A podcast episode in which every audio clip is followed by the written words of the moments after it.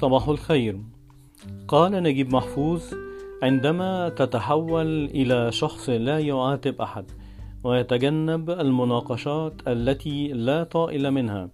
شخص ينظر إلى الراحلين عنه بهدوء ويستقبل الصدمات بصمت مريب.